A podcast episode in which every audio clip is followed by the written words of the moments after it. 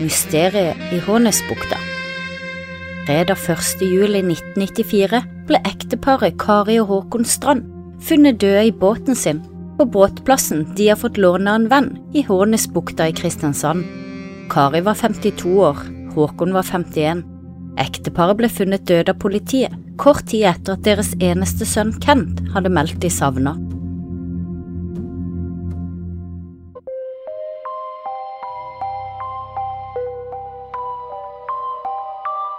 Sett deg godt til rette med noe godt i koppen, og bli med oss inn i denne ukas krimhistorie.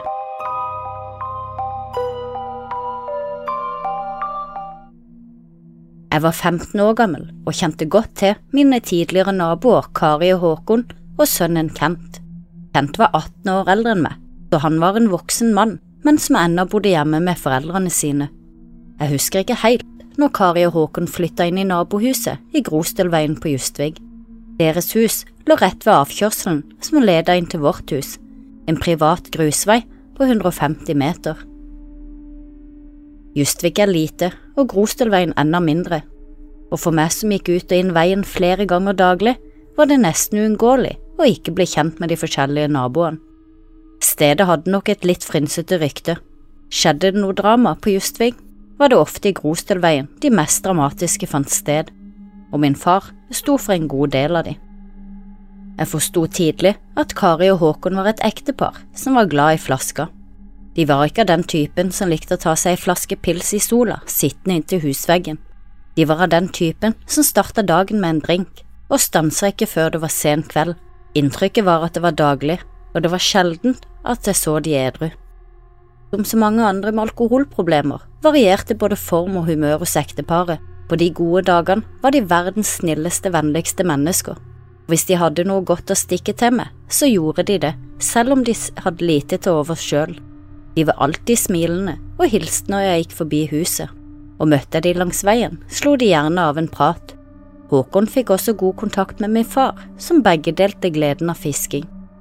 Men så var det andre dager, antageligvis de dagene spritflaska kom frem, hvor det ble krangla og slåss så fillene føyk. Jeg forsto etter hvert at sønnen deres Kent hadde utvikla sine egne rusproblemer, og han hadde et elsk-hat-forhold til sin far og selv om han var voksen, så bodde han ennå hjemme, og det at foreldrene drakk og sønnen ruste seg, gjorde at kranglene tidvis eskalerte. Jeg husker spesielt en morgen jeg var på vei til skolen. Familien hadde tydeligvis hatt en lang og fuktig natt, sendt opp i en tidlig morgenkrangel. Kent kom løpende nedover den grusbelagte bakken med en illsint Håkon bak seg, med ei hagle i handa. Trusler om skyting og ukvemsord ble slengt i imellom, og jeg jeg gikk og småløp så fort jeg kunne ut til skolebussen, en og en halv kilometer unna. Jeg vet ikke hva som skjedde etter jeg forlot dramatikken, men allerede neste dag så episoden mellom far og sønn ut til å være glemt. Slike episoder var ikke uvanlige. Kari, Håkon og Kent var godt kjent av politiet. Jeg husker ikke nøyaktig når, men ei lita stund før de flytta til Hånes, så mista Kari og Håkon huset de bodde i på Justvik. Jeg vet ikke om de ble kasta ut på grunn av manglende husleie eller på grunn av alt bråket, men husløse ble de en liten stund. Og rundt en halv kilometer fra der Kari og Håkon hadde bodd, litt lenger innover veien, lå en forlatt og falleferdig hytte rundt 50 meter innover i skogen, nede ved Hemningsvannet. Hytta besto av ett tomt rom, og så ikke ut til å ha blitt brukt på mange tiår. Stedet var tidvis brukt av ungdommer til å feste i om sommeren. I dag er det bare ruiner og knapt en plankehaug igjen. Her endte Kari og Håkon opp med å bo en liten stund etter at de ble hjemløse, og på et eller annet tidspunkt flytta de videre til Vigvallåsen på Hånes og fikk seg en liten leilighet. Her ble de kjent med naboene gjennom daglige lufteturer med hundene. Håkon fisker omtrent daglig, og fiskene ble stekt av Kari og fôret til hundene og kattene. Båten deres, en rød Pioner tifots, hadde Håkon fått med seg fra Justvik til Hånes. Og rett før jula 1993 får Håkon en større båt, en hvit 21 fots Marex, som han sier han har arvet av sin far. Og våren 1994 spør Håkon naboen sin om å få lov til å legge båten sin på hans båtplass, noe naboen gir ham lov til. Kari og Håkon gleder seg til vår og sommer, Endelig har de en båt stor nok til å reise rundt og til å overnatte på, og for et par med lite å rutte med og som elsker havet, må det ha vært et kjærkomment pust i hverdagen.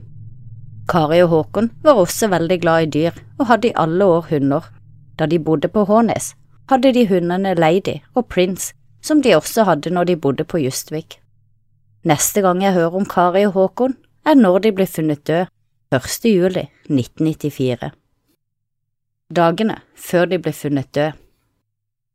Vitner bekrefter at ekteparets båt, en hvit 21 fots Marex, har blitt observert i Hånesbukta hver dag etter at paret forlot Lillesand 25. juni. Både 27. og 28. juni er det sikre observasjoner av båten, liggende på båtplassen sin i Hånesbukta, rett nord for Varodbrua. I dagene før de ble funnet døde, så vet man at ekteparet på sankthansaften rundt klokka elleve om kvelden, kjørte båten sin inn i fjæresteinene ved innseilinga til Lillesand. Lensmannen rykka ut etter å ha blitt kontakta av båtfolk i nærheten. Lensmannen skal Kari og Håkon ha bortforklart uhellet med at de hadde sovna. Antageligvis har lensmannen oppfatta at det var mer enn bare soving som var årsaken. Promilleprøver ble tatt, og han tok med seg parets to hunder, Lady og Prince, og avtalte at de kunne hente dem neste dag på en lokal kennel ved navn Houndog. Så neste dag lørdag morgen rundt halv elleve ringer Kari til kennelen for å avtale henting av hundene sine. Hun får beskjed om at det koster 460 kroner for å få løst ut hundene sine. Ekteparet har ikke 460 kroner i kontanter, og dermed ble hundene værende på kennelen. To dager senere observerte naboer av ekteparet at politiet hadde hengt en lapp på døren deres der de ble bedt om å ta kontakt for å hente hundene. Denne lappen fikk aldri Kari og Håkon, som etter all sannsynlighet ikke hadde vært innom hjemmet sitt etter de ankom med båten fra Lillesand 25. juni. 25. juni er også siste sikre observasjon av ekteparet. Om ettermiddagen, i fem-seks-tida, da to personer på land hadde observert båten deres liggende og drive i over en time på innsiden av Varoddbrua i Toppdalsfjorden. De to personene hadde da tatt seg over på båten og banka på vinduene. Der fant de Kari og Håkon sovende. Personene hadde vekket dem opp og snakket litt med dem før de forlot båten. De to personene skal senere ha observert at Kari og Håkons båt nå var lagt til sin vante plass i Hånesbukta. 1. juli ble Kari og Håkon Strand funnet døde i båten sin. De ble funnet av politiet og sønnen Kent. Obduksjonen viser at ekteparet mest sannsynlig har vært døde i rundt tre dager når de ble funnet, og det antas at døden har inntruffet en gang mellom mandag 27. og onsdag 29. juni. I dødsregisteret blir den endelige datoen satt til 28. juni. I dødsannonsen skriver sønnen 29. juni. Hundene, Lady og Prins ble bestemt avlivet i samråd med familiens sønn etter at ekteparet ble funnet døde. Dødsannonsen kom ut i lokalavisen først 14 dager etter at de ble funnet. Annonsen var enkel og sa følgende. Min kjære mor og far, Kari Aud og Håkon Olav Strand ble brått revet fra meg. Kristiansand 29. juni 1994. Dypt blir dere savnet. Kent. Og mandag 18. juli ble Håkon og Kari begravd ved Oddernes kirke. Ryktene Etter at Kari og Håkon ble funnet døde, gikk det mange rykter i byen, og ryktene ble ikke mindre da de første undersøkelsene fra obduksjonen ikke kunne fastslå noen sikker dødsårsak. Hvordan kunne to mennesker som knapt hadde fylt 50 år, dø samtidig? For de som kjente Kari og Håkon, var det helt naturlig å tenke på alkoholforgiftning av noen slag som det mest sannsynlige. Hadde de kjøpt dårlig sprit med gift?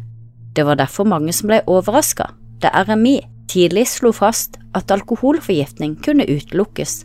Det samme kunne narkotiske stoffer eller andre medisinske medikamenter. Det ble satt i gang flere undersøkelser for å se om de kunne finne noe annet stoff eller gass som årsakte deres plutselige død. Parets sønn Kent går 12. juli ut i Dagbladet og mener det må ha skjedd noe kriminelt med foreldrene. Sønnen er fast bestemt på at det ikke er selvmord. Foreldrene var ifølge ham både livsglade og fulle av optimisme, samtidig som han mener det er helt unaturlig at de skulle dø samtidig. Det gikk også rykter om at noen har brutt seg inn i parets leilighet mens de var savnet, noe politiet tidlig avviste var tilfellet. Rykter om at parets nøkler var borte fra båten, avkreftes også av politiet. Det samme gjelder Håkons loggbøker, da politiet finner en loggbok i båten og en i leiligheten.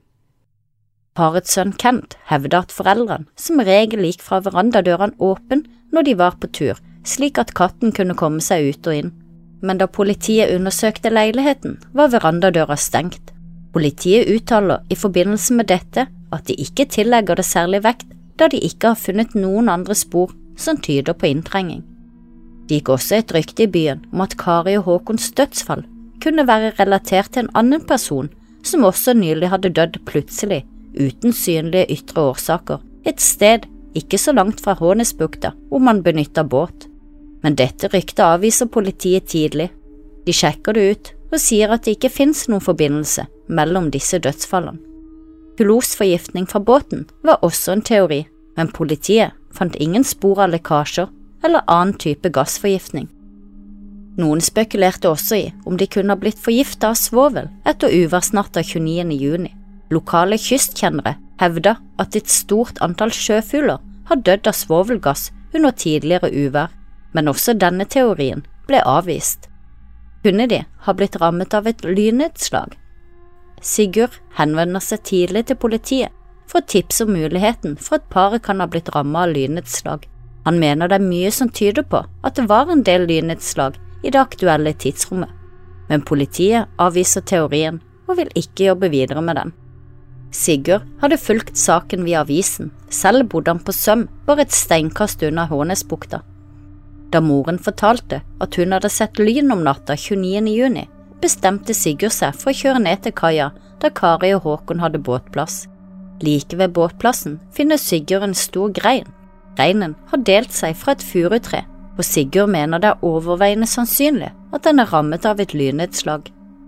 En ekspert uttaler seg og sier det er mulig å bli rammet av lynnedslag uten å bli direkte truffet, og uten synlige spor på utsiden, for eksempel hvis det slår ned i et nærliggende tre som gir store spenningsforskjeller. Men eksperten mener også at det er lite sannsynlig at en slik utladning kan skje uten å etterlate seg noen spor. Politiet sier på sin side at det ikke finnes noen synlige spor etter lynnedslag på parets kropper.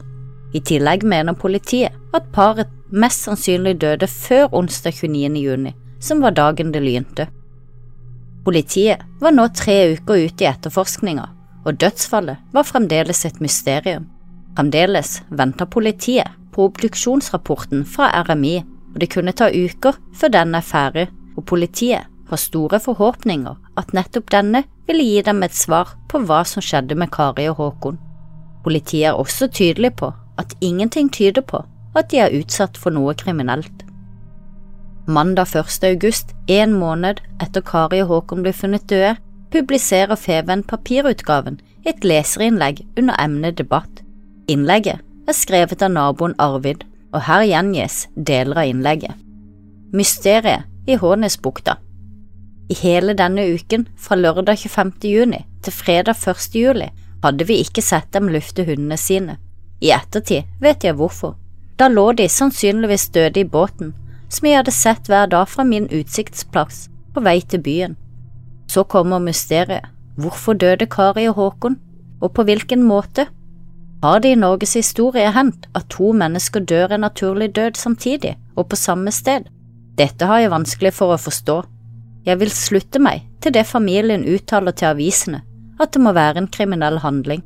Hvorfor de to hundene ble arrestert i Lillesand fredag 24. juni, har for meg og mange andre vært viktig å vite, likeså hvorfor ekteparet dro tilbake til Kristiansand uten sine kjæledegger, og dette på grunn av at de ikke hadde penger nok til å løse ut hundene, med de utgifter som politiet hadde påført dem ved å plassere dyrene på kennel, som etter hva avisene forteller ville koste 450 kroner. Det virker litt rart, for de, som oss andre, fikk trygden 20. juni, altså fem dager før hendelsen i Lillesand. Kan det tenke seg at paret er frastjålet sin trygd i leiligheten før de dro på tur, eller var det andre med på den skjebnesvangre turen som skulle bli Kari og Håkons siste reise? Man kan filosofere over om hvis hundene hadde forblitt i båten, ville den tragiske hendelsen i Hånesbukta vært unngått, eller har dødsfallene skjedd et annet sted? Hvorfor sovna ekteparet to ganger på turen? Følge avisene var det først i Lillesand fredag 24. juni, så på Toppdalsfjorden lørdag 25. juni. Det er merkelig at begge skulle sovne samtidig. Pressemeldinger fra politiet om at etterforskninga er trappa ned til et minimum, må jo bety at politiet har problemer med å finne ut av mysteriet. Jeg frykter at saken vil bli henlagt. Jeg vil tro at hvis Kristiansand politikammer ikke klarer å løse dette mysteriet, så søker de hjelp fra andre instanser, for publikum har krav på å høre sannheten om hva som har ført til Kari Håkons altfor tidlige bortgang. Artikkel slutt. Men Kari og Håkon de hadde ikke bodd lenge nok på Hånes til at naboene kjente dem så godt. Mye tyder på at naboene ikke forsto omfanget av Håkon og Karis alkoholproblemer. At trygden var borte få dager etter den ble utbetalt, var ikke noe ukjent fenomen, og det forklarer også hvorfor de sovna av to ganger uten å fortøye båten, fordi den drakk seg døddrukne når trygda kom. Sønnen Kent bodde heller ikke hjemme lenger, slik at det ikke lenger var de store kranglene i hjemmet. Hvor mye de faktisk drakk, var det kun de nærmeste som visste, og de som hadde bodd nær dem i årene før Hånes. 25. august holder politiet i Kristiansand en pressekonferanse. Den gang politiadjutant Arne Pedersen og daværende politiinspektør Kjell Hegstad forteller den oppmøtte pressen at de mener ekteparet likevel har dødd som følge av spritforgiftning. De uttaler at selv om de to dødsfallene fremdeles har status som mistenkelige dødsfall, har politiet sterk grunn til å tro at spritforgiftning er dødsårsaken. Dette bygger politiet blant annet på en kanne med urein sprit som er funnet i båten, samt sterke indikasjoner fra Statens rettstoksikologiske institutt på forgiftning av alkohol. Det kan ikke fastslås 100% og politiet understreker at etterforskninga ikke er avslutta. De uttaler videre at grunnen til at etterforskninga har tatt tid, er at politiet har blitt forvirra av at døden har inntrådt omtrent samtidig hos Kari og Håkon, og at det ikke ble funnet nevneverdige spor av alkoholet i blodet hos noen av dem. Politiets teori er at ekteparet har vært bevisstløs i flere timer og kanskje så lenge som to døgn før de døde. Det kan være årsaken til at alkoholen helt eller delvis var forsvunnet fra blodet. Hos Kari ble det ikke funnet noe alkohol i blodet, og hos Håkon ble det funnet 0,1 promille alkohol i blodet. Tor Hillberg, den gang lege ved Statens rettstoksikologiske institutt, uttalte til Feven at han kunne vise til flere saker hvor noen hadde dødd av alkoholforgiftning uten at det ble funnet alkohol i avdødes blod. Men han påpeker også at man ikke da snakker om forgiftning i dets vanlige forstand, han påpeker at i slike tilfeller så dør personen av skadevirkningene etter at alkoholen har forbrent i kroppen. Fevennen spør også Tor Hillberg om hva sannsynligheten er for at noe slikt kan skje samtidig med to mennesker. Da svarer han at sannsynligheten er til stede, men den er meget liten. Men her ender også til slutt politiets endelige konklusjon, at ekteparet døde av spritforgiftning, urein sprit og at ingenting kriminelt ligger til grunn, og at det er en tilfeldighet at ekteparet døde samtidig, av samme årsak. Selv om parets sønn Kent var den som var mest opptatt av at foreldrene må ha blitt utsatt for noe kriminelt, var det likevel flere som mistenkte at nettopp Kent kunne ha noe med foreldrenes død å gjøre. Han var godt kjent i byens rusmiljø, og de fleste kjente til hans turbulente forhold til foreldrene. Folk spekulerte i alt fra rent hat til arv og penger. Kent Strand gikk selv bort for få år siden, men de aller fleste har i dag slått seg til ro med politiets konklusjon. Likevel kan man undre seg om det var så enkelt, slik som politiet konkluderte, at ekteparet, som uten tvil drakk ganske mye og hadde gjort det i mange år, en dag var uheldige og fikk i seg uren sprit og døde omtrent samtidig. Eller var det noe annet, eller noen andre, som tok livet av Kari og Håkon sommeren 1994. Da er vi tilbake i morgen med Krimprat-episoden hvor vi skal diskutere mer om denne saken.